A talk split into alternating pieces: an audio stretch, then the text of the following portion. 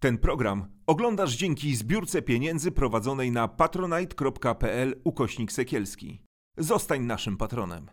Nazywam się Gośka Serafin i choruję na depresję. Chcę Wam pokazać, że można z nią żyć i nie jest to powód do wstydu.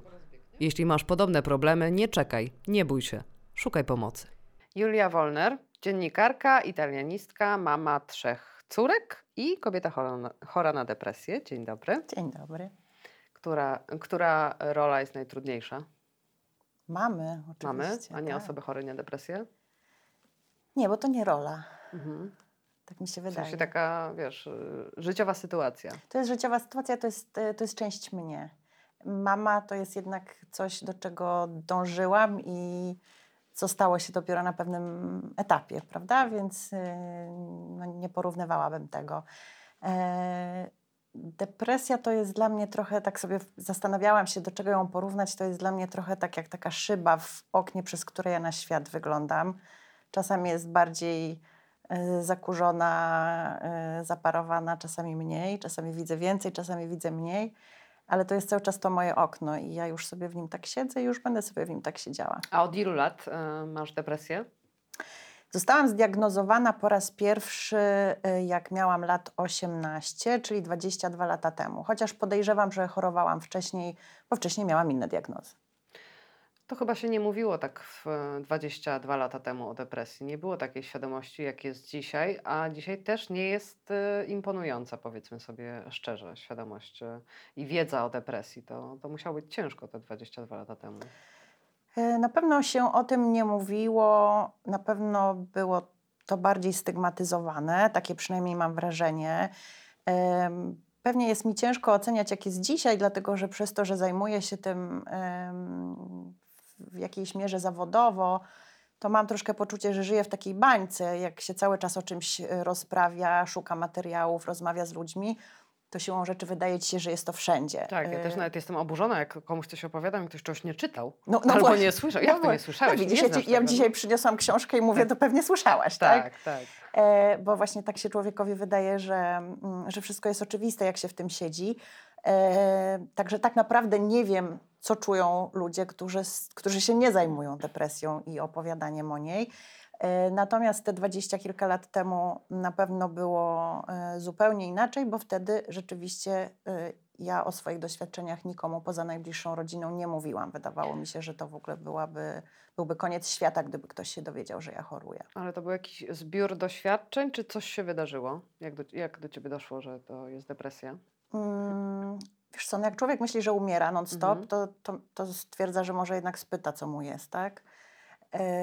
Także było, było chodzenie po lekarzach.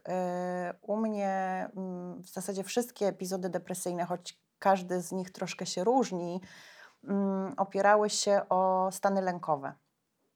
Mm, Także właśnie takie poczucie, że coś bardzo złego się zaraz stanie, bardzo takie dotkliwe fizyczne dolegliwości, kołatanie serca, zlewanie się potem w jakimś koszmarnym stopniu. Ja pamiętam, e, takie mam wspomnienie, prowadziłam zajęcia na Uniwersytecie Warszawskim ze studentami e, i w pewnym momencie, e, mimo że bardzo lubię ubrania, nosiłam już tylko i wyłącznie białe t-shirty, ponieważ podczas zajęć często musiałam iść do łazienki, żeby się przebrać. No, wiadomo, że te białe t-shirty najłatwiej jest mieć w, w liczbie kilku, jakieś bardziej barwne czy, czy wzorzyste ciuchy nie. Po prostu byłam mokra. Ale to wynikało z, y, ze, ze stresu, czy, czy tego nie wiązałaś właśnie z sytuacją, że to że, znaczy, że to nie wynikało, nie, to nie wynikało ze stresu związanego Mhm. z, z wykładaniem, bo bardzo to lubiłam. E, bardzo Czyli to się mogło pojawić w ka- w dowolnym ka- momencie? To po prostu trwało non-stop. Mhm. Akurat tamten, tamten czas, tamten epizod to był stan ciągłego napięcia takiego, które było... mm, No cały czas się czułam, jakbym miała za chwilę zdawać maturę mniej więcej. No to, tak to no Jezu, o, No. aż teraz, aż mi się cieplutko zrobiło. Mi Mnie się też, matura, re, ręce mi się E, mi się matura śni czasami, ale to, to uważam, że to jest gigantyczna jakaś trauma. Może dlatego, że ściągałam, ale śni mi się i, i budzę się mokra, nie? bo to, to jest e, niesamowity stres e, w życiu taki, takiego młodego człowieka. Ale wspomniałeś, że masz wrażenie, że już od dłuższego czasu, zanim to zostało zdiagnozowane, chorowałaś. Rzeczywiście tak. Że Tak, wiesz co, jako nastolatka... smutna? Czy nie, nie? Nigdy, w ogóle nigdy nie byłam Mhm. smutna. Ja jestem z tych y, chorych na depresję, którzy smutni są bardzo rzadko. E, uważam się za osobę mm, wesołą, energetyczną, pogodną. U mnie właśnie zawsze są te lęki e, i to napięcie, e, różnie się objawiające w różnej, w różnej formie. Natomiast jako dziecko miałam jeszcze zupełnie inną przypad przypadłość, chorobę. Mianowicie miałam zaburzenia odżywiania. I miałam zdiagnozowaną i anoreksję, i bulimię, i później znowu anoreksję. No i myślę, że to pewnie była inna strona tego samego medalu po prostu, tak? Jak wspominasz y, początki leczenia? Bardzo trudno, y, bardzo nieciekawie, dlatego że ja przez bardzo długie lata, w zasadzie do ostatniego swojego takiego mocnego epizodu depresyjnego, który miałam dwa lata temu, rok, nie, dwa lata temu, dobrze mówię, przez tę pandemię już mi się wszystkie daty mylą. Mm, w zasadzie y, miałam takie poczucie, że trochę nie ma dla mnie nadziei i że to już tak po prostu będzie beznadziejnie, ponieważ to leczenie no jakieś skutki przynosiło, ale nie takie, żebym mm, uznała, że, że rzeczywiście y, jakoś tam mogę odetchnąć. Mm, a początki były szalenie trudne, także dlatego, że tak jak powiedziałyśmy, no nie wiedziano zbyt wiele na ten temat, nie mówiło się o tym. Mm, dzisiaj mam wrażenie, co jest bardzo smutne, e, że mam więcej znajomych i przyjaciół, którzy chorują, niż takich, którzy nie chorują, czy nie chorowali, nie mają takiego doświadczenia. Wtedy miałam wrażenie, czy tak było, nie wiem, że jestem zupełnie sama, tak? Więc więc nie było się z kim tymi doświadczeniami dzielić, z kim tego przegadać. E, chodziłam długie lata na psychoterapię, która jakoś tak nie bardzo. E, dzisiaj sobie myślę, że może ja nie byłam też gotowa na to, a może to właśnie tak musi być, że to są długie lata, prawda? To na dwoje babka wróżyła i pewnie wszystkie czynniki jakoś tam się połączyły. Natomiast rzeczywiście dopiero ostatnia psychoterapia, którą skończyłam mm, w zeszłe wakacje, to było to no i jak już było to, to po prostu mam wrażenie, Ale zmieniałaś że nurty? Nurty w psychoterapii, czy po prostu zmieniałaś terapeutów? Czy to, czy, y, czy to były okresy w życiu, w których właśnie tak, psychoterapia ci kolokwialnie mówiąc weszła, tak? Jak mówisz, Wiesz że to co, za każdym tak. razem jak miałam, że tak powiem, uderzenie, mhm. rzut depresji, E, lądowałam u lekarza, kończyło się na lekach i jednocześnie zawsze było zalecenie, no, żeby skorzystać z psychoterapii. Ja jestem taką osobą bardzo lubiącą, jak jest wszystko zorganizowane. Karnie się temu poddawałam, zakładając, no, że skoro pan doktor mówi, że powinna być psychoterapia, to oczywiście tak. Natomiast tak jak mówię, mimo że ogromnie y, szanowałam, lubiłam swoich terapeutów, y, no to jakoś, tak jak mówię, nie przynosiło to takich efektów, jak, jakbym sobie tego życzyła. E, no i nie wiem, czy to było spowodowane tym, że to nie były te osoby, czy ja nie byłam gotowa, czy wszystko naraz. E, no ale dzisiaj mam, mam już to doświadczenie i ogromnie się z tego cieszę, że mogę powiedzieć, że tak, psychoterapia działa, bo jak już zadziała, to naprawdę jest to niezwykła różnica i w ogóle jakość życia się zmienia kolosalnie. Czego Cię nauczyła psychoterapia? Y, pracy bardziej nad sobą, zrozumienia siebie, czy wytłumaczenia sobie jakoś tam świata, że niektóre rzeczy tak wyglądają i na przykład za niektóre rzeczy nie, nie warto się oskarżać i tak dalej? Czy z czym się zmagałaś na, na psychoterapii? Wiesz co, przede wszystkim to, co mi psychoterapia dała, to poczucie właśnie, że nie jestem, nie jestem sama i że jest dla mnie nadzieja. To jest, yy, wydaje mi się, niezwykle niezwykle e, budujące, jak e, tak samo w, w przypadku leków, jak widzimy, że coś na nas działa. Czyli, że no możemy założyć, że będzie lepiej. Nie musimy tego wszystkiego widzieć w czarnych barwach, a i tak już tak robimy chorując. E, nauczyła mnie na pewno, że wszystko zależy od perspektywy. Moja pani psychoterapeutka na początku byłam do niej sceptycznie nastawiona, bo była dosyć małomówna. E, ja jakoś zawsze miałam wrażenie, że to, to nie jest mój klimat, to siedzenie i nawijanie o sobie i no, wygadać to ja się mogę przyjaciółce albo mamie, albo nie wiem, popisać sobie. E, natomiast u niej było tak, że, że właśnie ja gadałam, gadałam, a później ona mówiła jedno zdanie na koniec czasami, dwa zdania, które były tak celnym komentarzem i tak po prostu wszystkie klocki nagle wpadały mi na właściwe miejsce. Czyli to było podsumowaniem twojego godzinnego wykładu, tak? Tak, tak. E, ale zwykle właśnie z innej perspektywy i nagle się okazywało, że wystarczyło odrobinę ten tyłeczek przesunąć i nagle widziało się tak, jak trzeba wszystko. E, także, także właśnie tej perspektywy chyba mnie nauczyła. E, oczywiście pracy nad sobą też, no bo psychoterapia to jest ciężka praca, to jest w ogóle orka na ugorze. Mm, robiłam swego czasu wywiad y, z cudowną Agnieszką Glińską o depresji i ona powiedziała coś takiego, że psychoterapia i chorowanie na depresję to jest jak robienie remontu. E, zawsze trwa dłużej niż y, sobie założymy, zawsze więcej kosztuje niż sobie założymy. Mm, no ale no efekt jest fajny po remoncie. E, no, wiesz co, tak, ale to zanim do tego efektu dojdziemy, to tak, najpierw stwierdzamy, że tam chcemy, nie wiem, pomalować, pocyklinować podłogę, a okazuje się, że trzeba próć ściany. Potem zostajesz z kupą gruzu, Potem przychodzi majster i mówi, czy, czy, stawiać tutaj ściany, czy nie stawiać, a jak stawiać. Ty w ogóle nie wiesz, czy ty chcesz mieć ściany, czy ty chcesz mieć open space. Nic nie wiesz i musisz do tego dojść. I też w pewnym momencie jest y, na maksa brudno i, i brzydko. I, no właśnie, I też no, jest taki moment w terapii czasami, nie? Y, ten regres, który jest zniechęcający tak. i przerażający. Dokładnie. Ja tak y, trochę będę skakać y, po, po, po, latach i tematach, bo nigdy nie mam scenariusza i to mi się, to mi się sprawdza, wiesz, po 10 Co latach y, pracy z politykami, pracy w newsach nie mam scenariusza, bo taka wydaje mi się bardziej rozmowa o życiu. Chciałam wrócić jeszcze do, mm, do tego momentu, na Twojej linii życia zostałaś właśnie zdiagnozowana, jak miałaś 18 lat, ale wcześniej właśnie wspomniałeś, że były te zaburzenia odżywiania. Czym spowodowane? Wiesz co, ja myślę, że e, ogromnym napięciem, z którym ja całe życie e, walczę, e, które gdzieś tam wynika z mojego charakteru, mhm. e, z mojej osobowości, z mojej wrażliwości. E, ja zawsze byłam e, najlepszą uczennicą w klasie, Zosią Samosią. Jestem najstarszą córką. E, mam cudownych rodziców, cudowną rodzinę, ale no, sam fakt, jak jestem w tym stadzie umiejscowiona, e, sprawia, że właśnie jestem tą osobą uważną, która czuje się odpowiedzialna za młodszych, y, słabszych. E, myślę, że to wszystko gdzieś tam rzutowało.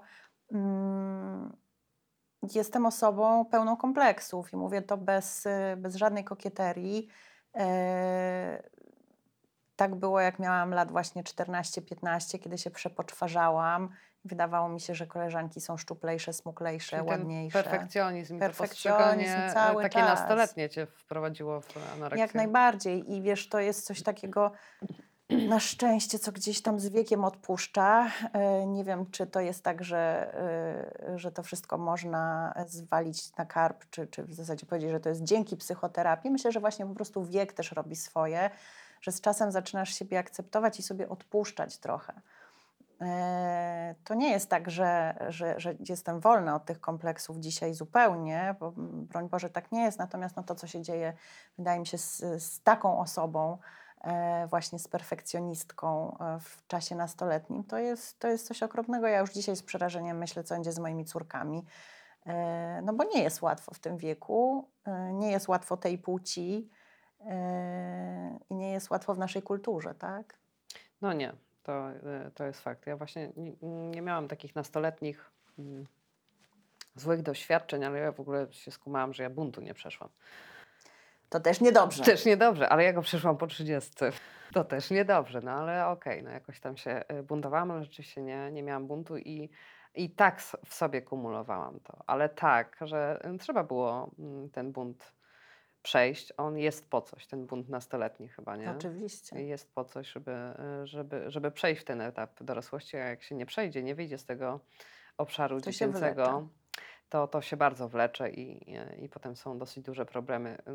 Czyli akurat w Twoim przypadku rozumiem, że było tak, że to najbliższe otoczenie e, wiedziało, bo tak. bardzo często jest tak w depresji, że właśnie najbliższe otoczenie nie wie, bo ciężko tak powiedzieć komuś o tym, że się podejrzewa u siebie depresję, żeby tak nie obciążać e, drugiej osoby tą historią, bo mam takie poczucie, że ona jest obciążająca, nie? taka krępująca trochę może dla kogoś. I ja miałam na przykład tak, że było mi bardzo ciężko powiedzieć, e, że choruję na depresję, bo mi się wydawało, że tak zrzucę na kogoś taki ciężar i ktoś go nie dźwignie, że, to, mhm. tak, że go przytłoczy, tak? Nie, no ja nie mam takiego doświadczenia. Moja rodzina zawsze była ze mną. E, w tym później już jak, że tak powiem, wyszłam z domu rodzinnego, Mm, był, był też przy mnie mój mąż i no, on jest niezwykłym wsparciem. Mam zresztą takie wrażenie i, i czasem sobie myślę, że to jest jakaś taka kolejna rzecz do zrobienia, że warto by było więcej pomówić właśnie o tym, jak ciężko jest partnerom osób chorujących.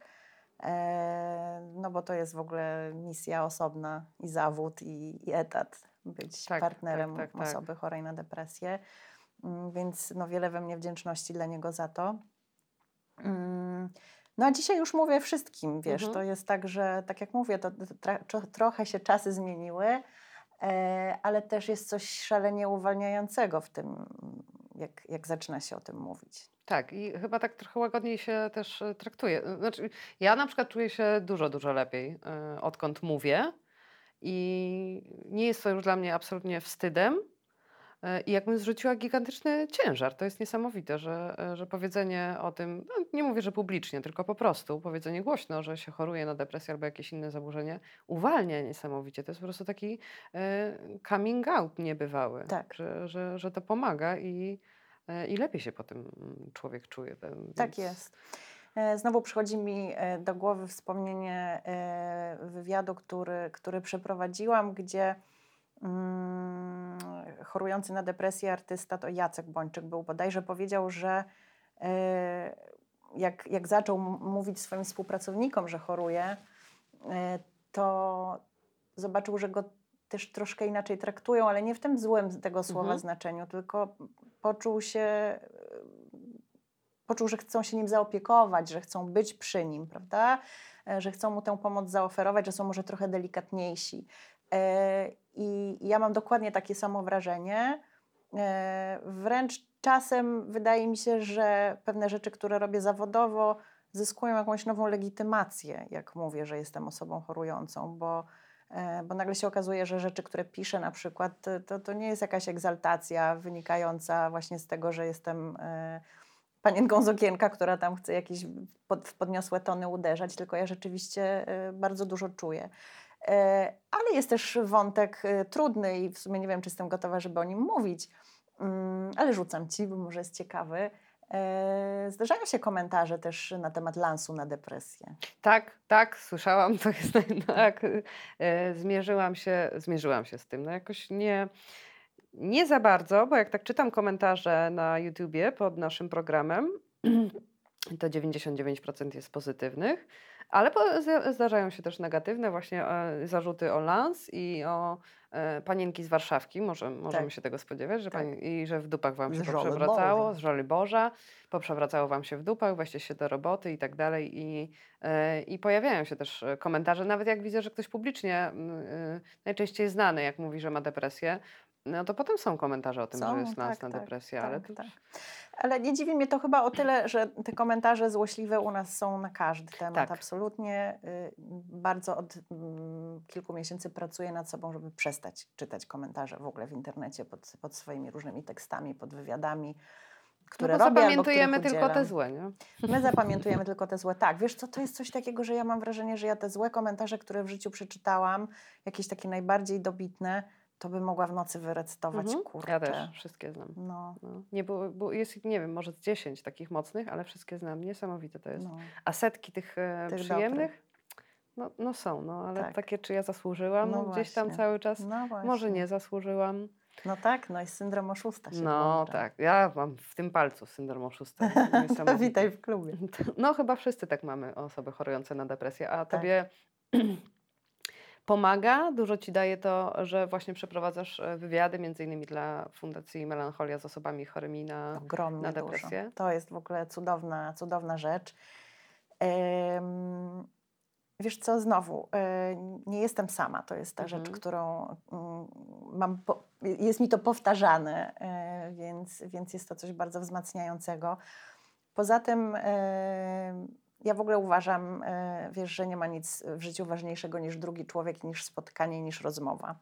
Zawsze powtarzam, że moim ulubionym cytatem jest to, że całe prawdziwe życie jest spotkaniem.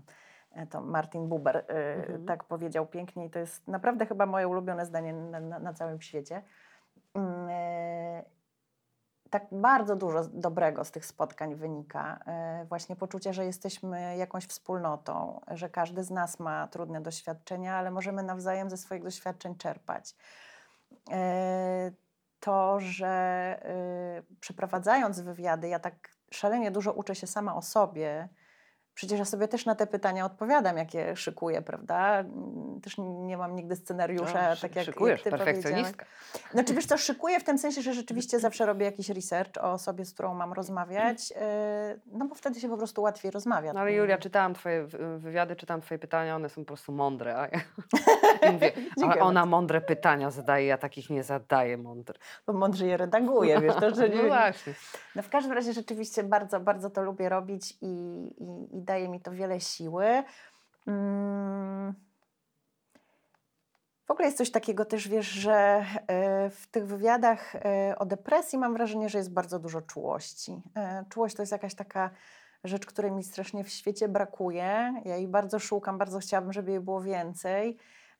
I no jakoś tak jest, że te osoby, które tych wywiadów o depresji mi mm, udzielają, są szalenie czułe. No, ja się po prostu w tym pławię. To jest, to jest, to jest takie bardzo moje.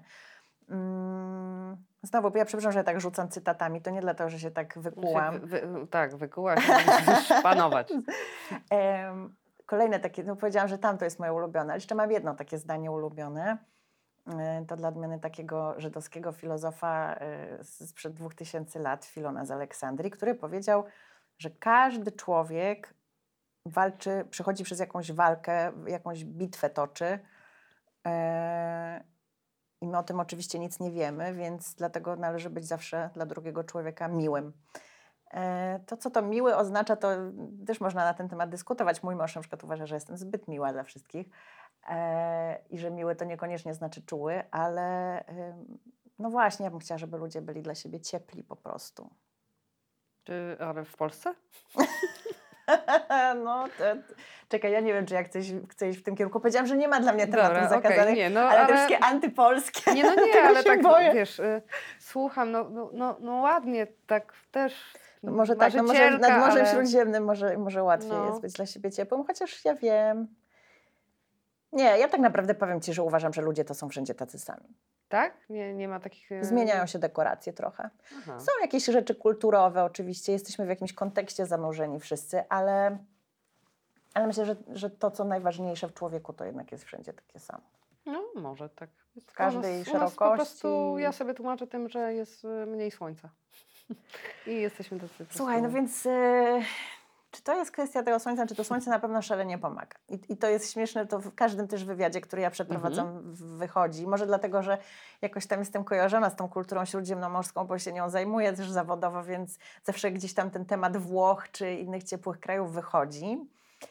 E, no ale coś chyba jest też na rzeczy, bo, bo, każdy o tym wspomina, że właśnie w wakacje to jest zawsze lepiej, jak się wyjedzie to jest zawsze lepiej, e, wiosną, latem jest zawsze lepiej pół roku mroku, słynny Magdy Umer, tak, zawsze pada. E, więc, e, więc, więc coś w tym jest. Natomiast ja Ci powiem tak, moje doświadczenia z jednej strony są rzeczywiście też takie, że jak ja wyjeżdżam, mam to wielkie szczęście w życiu, że bardzo dużo podróżuję, y, głównie ze względu na właśnie zawodowe i rodzinne swoje układy. E, no to rzeczywiście czuję się lepiej i, i to byłoby kłamstwem, gdyby powiedziała, że nie, ale jak się przyjrzeć statystykom, no to wcale nie jest tak, że w tych krajach e, ciepłych i słonecznych jest lepiej. E, prowadzę też taką rubrykę w jednym z czasopism, e, gdzie piszę o różnych nacjach i o tym, jakie są ich sposoby na dobre życie. Więc miałam okazję się właśnie różnym cyferkom i liczbom przyjrzeć i zobaczyć, jak to wygląda w tych różnych rankingach szczęścia,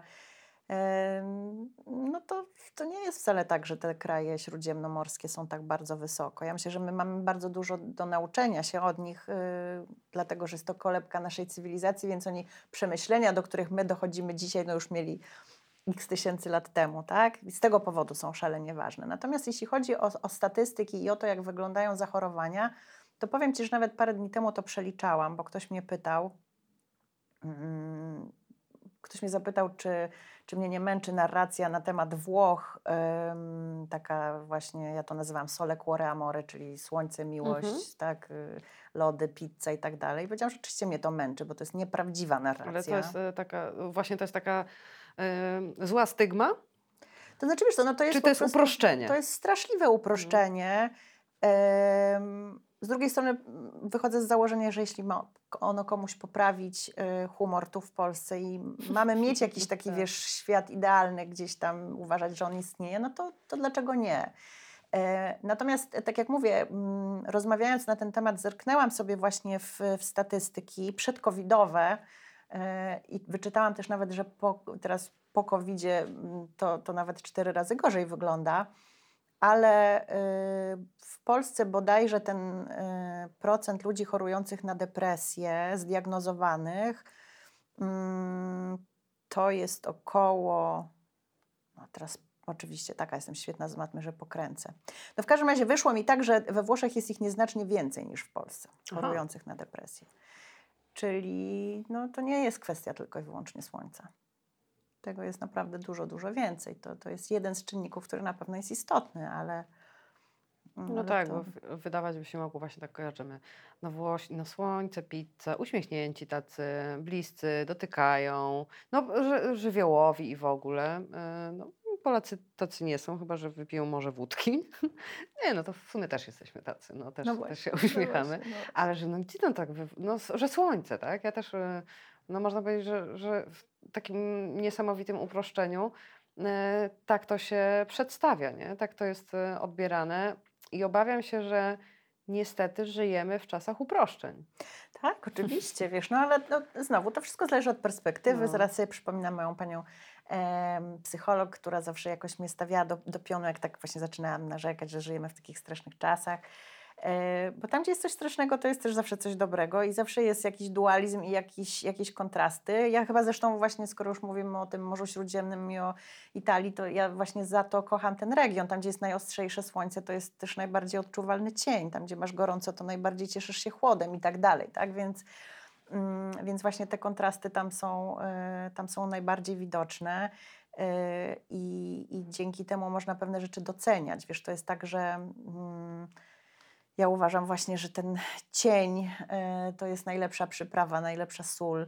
E, no bez cienia te, tego i tego, co, co złe, słońce nie docenimy. W związku z tym no nie ma jednego bez drugiego po prostu, tak? I e, tego mnie uczy ten region. Ja w ogóle jestem też wielką orędowniczką wdzięczności. To jest taka rzecz, którą bardzo staram się praktykować. Nawet muszę przyznać, że to już nawet nie jest praktykowanie, tylko to już mi weszło w krew. Ja, Czyli nie musisz sobie o tym przypominać, żeby o tym pomyśleć. Ja po prostu mhm. jestem non-stop wdzięczna i czasami nawet myślę, że może jestem zawdzięczna, bo jestem tak strasznie wdzięczna za tyle rzeczy, że to gdzieś e, chyba generuje nawet we mnie jakiś lęk, że, e, że skoro to jest takie wspaniałe i ja to dostałam, no to czy tego nie stracę, tak? Ale, ale rzeczywiście bardzo dużo dobrych rzeczy zauważam.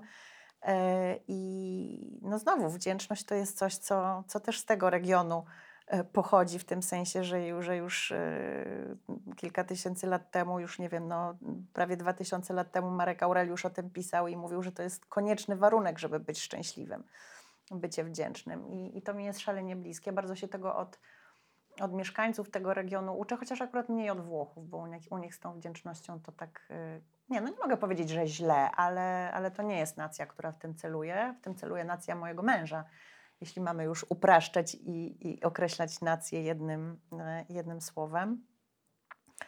E, mój mąż jest Izraelczykiem, jak wiesz, i no, kraj, z którego pochodzi, to jest przede wszystkim kraj, który ciągle żyje e, widmem jakichś zbrojnych konfliktów, zawieruch politycznych. W związku z tym oni tak niezwykle tam doceniają każdą chwilę. Drobnostki. Drobnostki. Mhm. Jak ja zaczęłam tam jeździć, poznawszy mojego męża, no to byłam po prostu w szoku, jak, bo wydawało mi się właśnie, ja wcześniej całe życie w, w, do tych Włoch jeździłam, mieszkałam w Rzymie przez jakiś czas, więc wydawałoby mi się, że już znam tę śródziemnomorską kulturę od podszewki, a okazuje się, że każdy rejon to jest trochę co innego. E, I, I byłam w Izraelu naprawdę bardzo zaskoczona, jak, jak, jak silne to jest tam w nich. Oni naprawdę zakładają, że no nie wiedzą, czy dożyją następnego tygodnia nigdy nie wiedzą, czy nie będzie alarmu bombowego, czy, czy coś się złego nie stanie. W związku z tym e, naprawdę celebrują każdą chwilę. I pamiętam, jak zaczęłam się spotykać z moim mężem, on mi kiedyś coś takiego powiedział, nie, no wiesz, no ale w życiu to chodzi o to, żeby było jak na wakacjach. Ja Ej, wtedy super. uznałam, że on jest jakiś walnięty w Aha. ogóle. Co on mi w ogóle gada? Jeszcze jak myśmy się poznali... Nieodpowiedzialny, bez No, sensu, nie biorę go. kompletnie. Nie wiesz, jeszcze jak myśmy się poznali, też ze względu na jego biografię izraelską, Mhm. on, on był w wojsku i tak dalej, więc jakby jego droga zawodowa była w stosunku do mojej przesunięta, a jesteśmy równolatkami. Więc jak zaczęliśmy się spotykać, to ja byłam, e, już prowadziłam własną firmę i byłam doktorantką i tak dalej. On, on był studentem. E, No i właśnie palnął mi taki tekst o tych wakacjach. Ja myślałam, ja cię kręcę, z kim się w ogóle, tak. Tutaj życie to jest orka, trzeba Tak. zasuwać.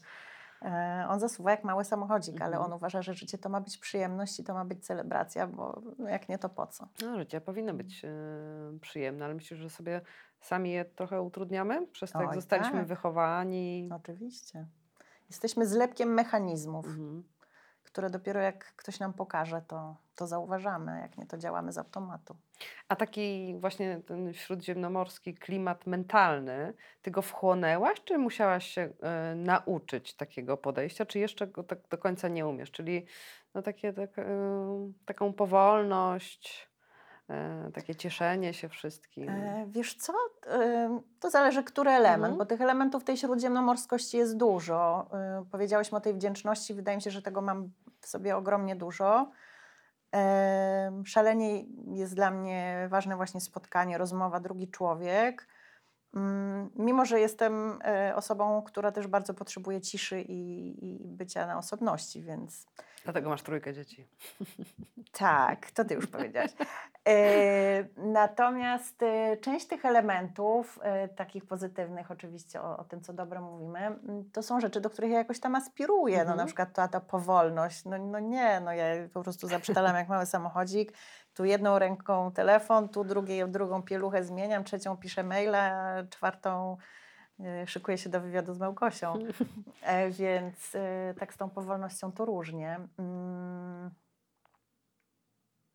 Wiesz co, ja nie wiem, bo w ogóle jakoś mi jest chyba trudno mówić o tej śródziemnomorskości właśnie w, e, takimi hasłami, bo dla mnie to są te kontrasty. może ona właśnie nie, nie jest No, hasłowa taka, no nie? tak jak my ją właśnie. widzimy, tylko... Dla mnie to jest to to to jest słońce i cień, to jest Mhm. to, wiesz, Morze Śródziemne, które jednym się kojarzy z wakacjami i, i rajem, a, a dla innych jest, y, jest, jest wielką wodą, przez którą muszą się przeprawić do lepszego życia, tak? I, i, i szalupy, które toną. No, tych kontrastów jest tak bardzo dużo, że nie umiem już patrzeć na ten region w ten sposób. Poza tym, tak już y, odchodząc, że tak powiem, od poezji, y, a, a mówiąc o rzeczach przyziemnych, wiesz, no wszyscy, po włosku jest takie powiedzenie, że cały świat jest jedną wioską, jednym, jednym miasteczkiem, no i, i rzeczywiście ta globalna wioska to jest coś, co my teraz bardzo odczuwamy. Wiesz, no oni też mają problemy ekonomiczne. Mówię tutaj o, o, o Mhm. Włoszech szczególnie, czy o Hiszpanii, w sensie o europejskiej części Śródziemnomorza. No nasze problemy są jednak zbliżone do ich problemów, tak? W związku z tym mm, to nie jest tak, że to jest jakiś inny świat. E, wręcz bym powiedziała, że był taki moment, właśnie szczególnie jak jeździłam do Włoch, powiedzmy zaraz po studiach. Tutaj właśnie prowadziłam swoją firmę, miałam dużo różnych zleceń, dużo różnych fajnych rzeczy robiłam.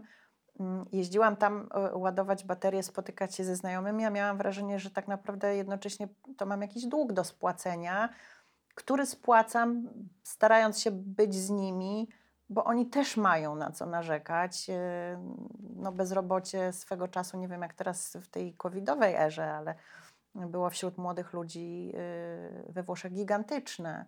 E, Tak jak mówię, ja tutaj prowadziłam własną firmę, spędzało mi sen z powiek, czy zdążę zrobić te wszystkie rzeczy, które, które chciałabym zrobić.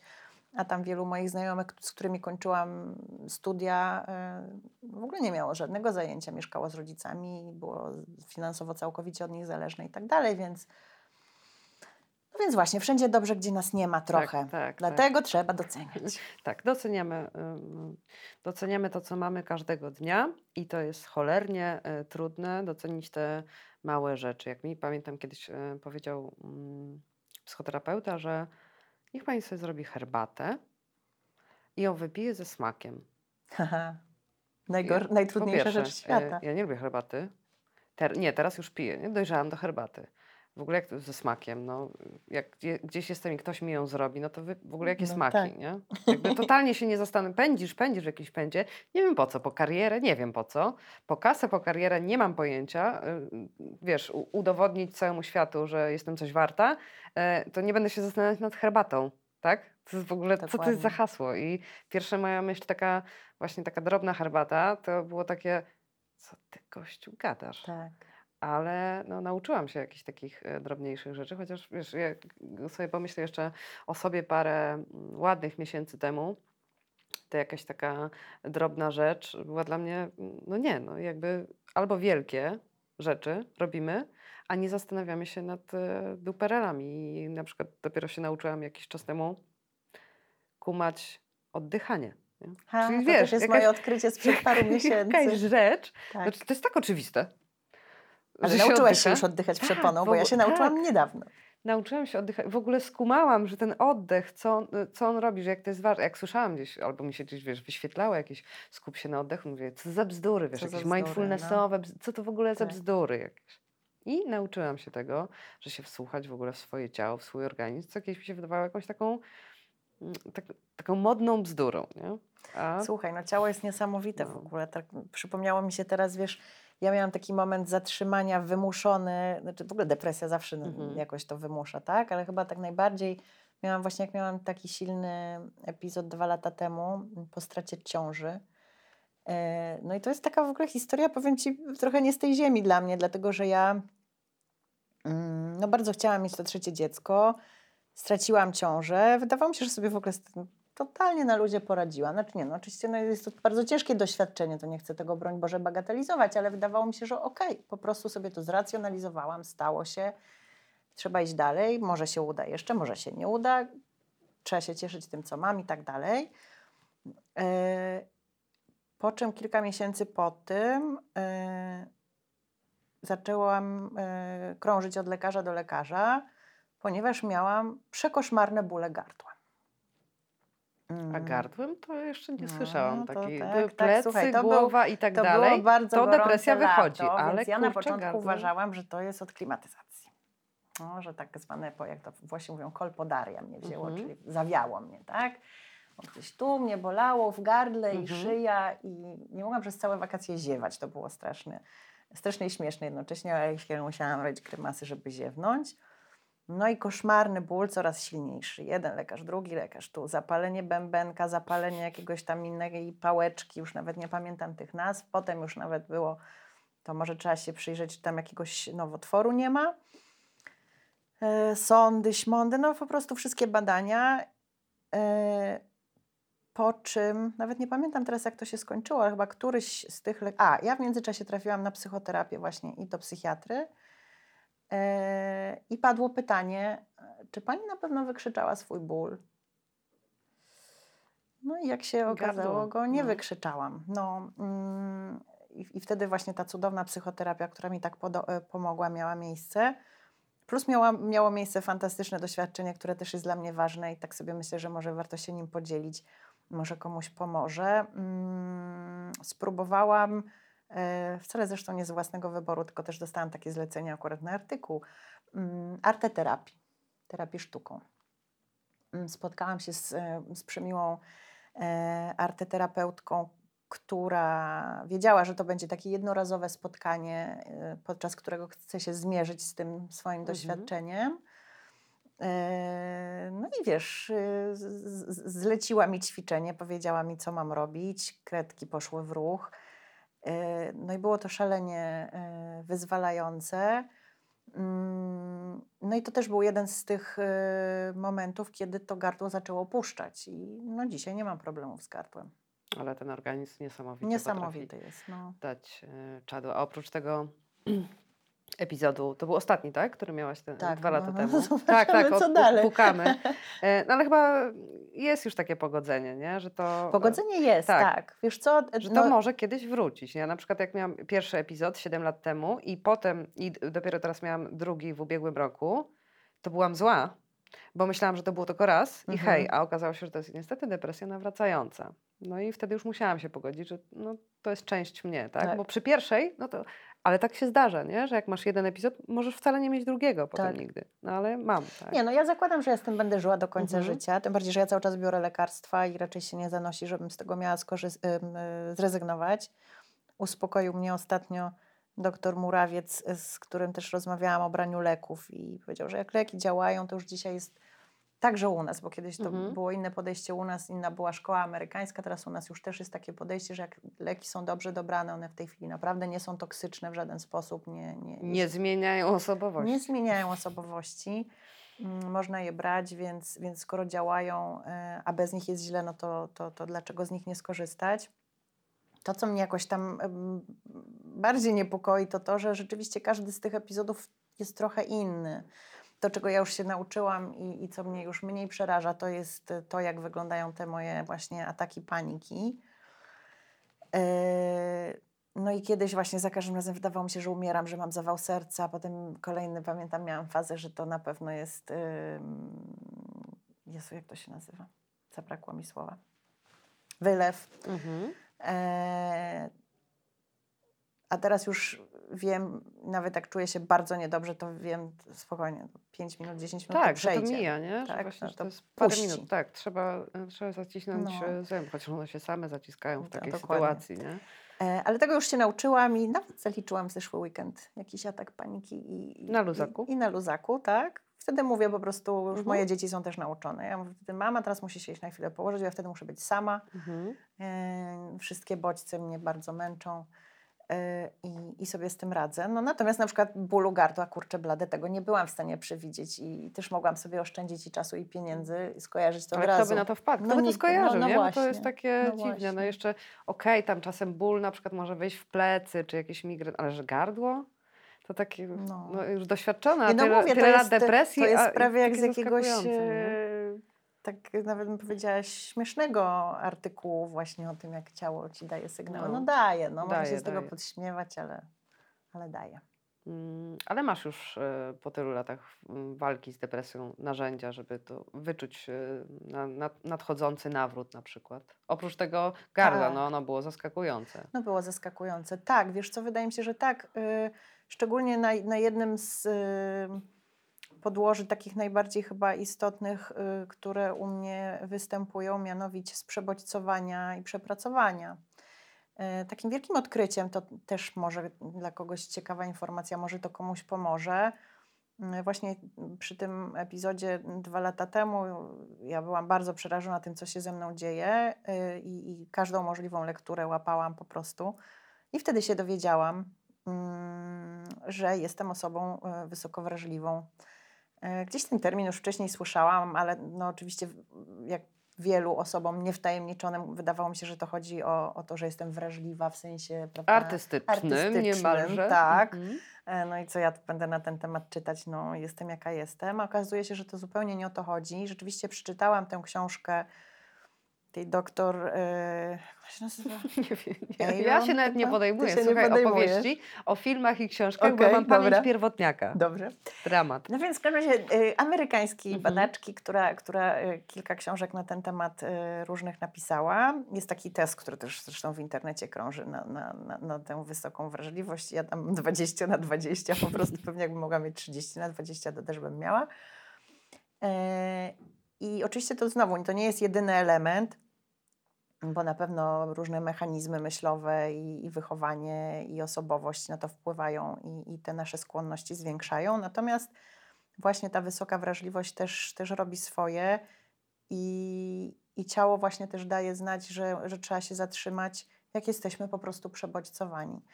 Mm, Ja w związku z tym, że kocham swoją pracę, mam tendencję, żeby się po prostu w niej zakopać po uszy. Mhm. No i, i zresztą w ogóle tak, tak sobie teraz myślę, Boże, ja to w ogóle nie znam umiaru w życiu. No też dzieci, bardzo cieszyłam się, że mam dzieci, to mam trójkę tych dzieci. Nie Super, ale się zatrzymać super. na jednej ani na dwójce. Ekstra. No, i Dużo więc- pracy. Mhm, i, sporo, no. sporo. Ja mam pierwszy taki objaw e, bezsenność. Nie? Mm, No to ja przerabiałam to na początku, a teraz mam w drugą stronę, teraz jak mi jest źle, to mogę spać non A stop. nie, to ja się boję spać. W sensie boję się tej kołdry, wiesz? Żeby tak sobie pod nią wejść. No, boję się, bo mi się wydaje, że jak tam wejdę, to już, już się nie wyjdziesz? No, to już nie wyjdę, więc ani drzemki, ani kołdry. Jestem takim trochę żołnierzem dla siebie. Mhm. E, za hardkorowym czasami, ale czasem jest tak, że chyba trzeba wejść t- pod tą kołdrę, nawet tam poleżeć, popłakać, nie? Pół dnia. Nie, nie robię tego. I ja to, ja chodzę na spacery i sobie to wszystko wychodzę, ale, e, ale kołdry się e, boję. I tak, bezsenność jest takim moim znakiem, chociaż może za trzecim razem, mm, jak będę miała nawrót y, epizodu, to już się zorientuję, nie? że wiesz, są problemy ze snem, czyli coś może być, bo za drugim się nie zorientowałam. Jakby jechałam tak, jechałam, jechałam, jechałam, że dobra, przejdzie, w sensie jakby będzie lepiej, nie? Tak. Jakoś wszystko się ułoży, podejmę jakieś decyzje, coś, y, albo, albo się nie ułoży, bo w sumie to ja całe życie taka nieszczęśliwa, może tak już mam, taka jestem, więc to jest, mi się wydaje, że właśnie pod tym względem też depresja jest taką ciężką chorobą, że ona mm, analizujesz swój charakter i to, co się przydarzyło, nie? Że może ja tak mam i mam takie nieszczęśliwe życie, albo szczęśliwe i nie wiem.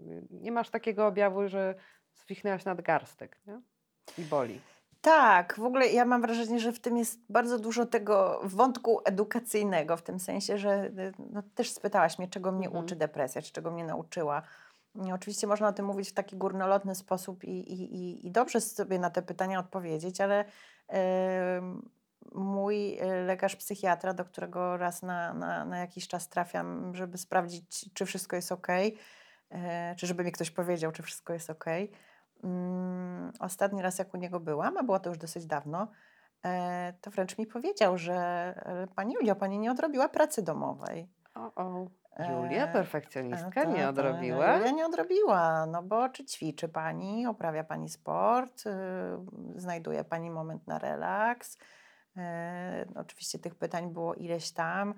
Mm, No i co, co z tego, że ja to wszystko wiem, że ja artykuły o tym piszę, tutaj A, proszę. Najmądrzejsze, Najmądrzejsza artykuł pisze. tak, no właśnie. No jak w praktyce tego nie, nie, nie, nie stosuję też, bo łatwo jest się jakoś tam zaplątać w, tej codzienności, więc y, trzeba sobie o tym ciągle przypominać. No, może to tak jest, że, ten, to, że to ciało nam tak przypomina, przypomina. Może jak się wreszcie nauczymy, to przestanie. Kurczę, no. Albo na przykład nie wiesz, czy to jest zły nastrój, czy takie przepracowanie, nie? Że, że tego jest za dużo, to okej, jest, y, to jest zmęczenie, ale może to jest po prostu tylko zmęczenie, a nie nawrót. Jest ciężkie do odkrycia czasami, szczególnie, że no, kurde, ktoś kiedyś wymyślił 8 godzin snu, 8 godzin pracy, 8 godzin No właśnie. odpoczynku. Razem 24, no. Ale nie, no, jest to u nas zaburzone. Może tak się nie da w dzisiejszych czasach. no na pewno jest trudno. No, to pewno jest, to jest. to Ale jest to, znowu, to, że- trzeba na to spojrzeć chyba tak, że, że trzeba próbować, trzeba do tego dążyć. Jak jest jakiś cel, to też jest w życiu łatwiej. Jak twoja rodzina sobie ym, podchodzi do, y, do twojej dolegliwości, która jest przewlekła i, i z tobą będzie? Wspomniałaś właśnie o, o mężu, który, y, że, że nie jest łatwo być y, partnerem osoby, która ma depresję. Znalazł na ciebie jakiś patent? Wiesz co, mój mąż e, ze mną bardzo dużo rozmawia. Mhm. On się trochę złości, bo ja jak się z, zaczynam źle czuć, to często mu mówię, wiesz co, chodź, ja potrzebuję psychoterapii z tobą. I on się wtedy złości. Mówi, To nie jest żadna psychoterapia, to jest rozmowa dwóch bliskich sobie ludzi, dwójki bliskich sobie ludzi. Ym, on ma właśnie to, co też daje psychoterapia, może stąd ta analogia w mojej głowie. y, Słucha. no nie tylko to, on ma inną perspektywę. Mhm. I on potrafi nam, na to, o co ja mu opowiadam, spojrzeć z, in, z innego kąta i nagle się okazuje, że, no, że właśnie można. Jest też osobą zupełnie inną ode mnie, e, z zupełnie innym doświadczeniem życiowym, pochodzącym z innego miejsca, zajmującym się innymi rzeczami. W związku z tym no też naturalnie mu to przychodzi, ta, ta, ta inna perspektywa. Tak? E, Natomiast e, no myślę, że coś w tym jest. On zresztą sam kilka razy powiedział, wiesz, y, mówi się y, tyle o, o osobach chorujących teraz, a nie mówi się o tych osobach, które są obok. Więc myślę, że jesteśmy im winni jakąś uwagę i wdzięczność i, i tak jak powiedziałam, może warto by się było zająć tym tematem też w ramach jakiejś kampanii społecznej. Mm, Nie ukrywam tego przed moimi dziećmi. Nawet to, aż nie wiem w sumie, czy powinnam to opowiadać, bo nie wiem, czy to jest śmieszne, ale tak trochę się uśmiecham pod nosem, bo Nawet byłam świadkiem parę dni temu e, jakiejś rozmowy moich córek starszych. E, Jedna mówi, no, a, co- a ma- to o czym tam opowiada? No jak zwykle o depresji. I taki ruch, no jak zwykle o depresji. Em, także, także one wiedzą, czy wiedzą dokładnie, co to Mhm. znaczy, nie wiem. No wiedzą na tyle, ile mogą wiedzieć w tym wieku, tak? Tłumaczę to i mm, własnymi słowami na ich poziomie. E, Staram się przynajmniej. E, Pamiętam, że jak y, miałam epizod depresyjny, y, a, moja pierwsza córka już, już miała kilka lat i widziała, że ja chodzę do lekarza, że ja czasem Mhm. wracam smutna, to mąż się zastanawiał, czy powinniśmy jej o tym, o, tym, o tym mówić, chociaż taką bardzo mamy otwartą, że tak powiem, politykę w domu i o wszystkim staramy się rozmawiać, to, to zastanawiał się, czy nie powinniśmy jakoś jej chronić przed tym. Ja uznałam, że właśnie bardziej edukacyjne będzie powiedzenie, że, że mama jest chora i stara się swoją chorobę leczyć. I tak rzeczywiście e, jej to przedstawiłam, tak to zostało. E, Mówię im, że dzisiaj jestem już zdrowa, ale czasami jeszcze mogę się źle poczuć, stąd te moje wycieczki do pokoju, jak już czuję, że po prostu zaraz eksploduję, bo, bo właśnie jestem przebodźcowana, bo każda krzyczy, ja jestem zmęczona, e, jakieś tam emocje we mnie buz, buzują i muszę się po prostu zamknąć w pokoju. Mm, także przed nimi tego nie, też nie ukrywam. Mm, ale mam wielką nadzieję, że, że nie będą się z tym borykać. Dziękuję Ci bardzo za rozmowę. Dziękuję. Pięknie się rozmawiało, się rozgadałyśmy i rozgad... mogłyśmy tak jeszcze. Ciągle o tej depresji O tej gadają. O depresji, tej no depresji, non stop gadają o tej depresji. Dzięki. Dziękuję bardzo. Ten program oglądałeś dzięki zbiórce pieniędzy prowadzonej na patronite.pl ukośnik sekielski. Zostań naszym patronem.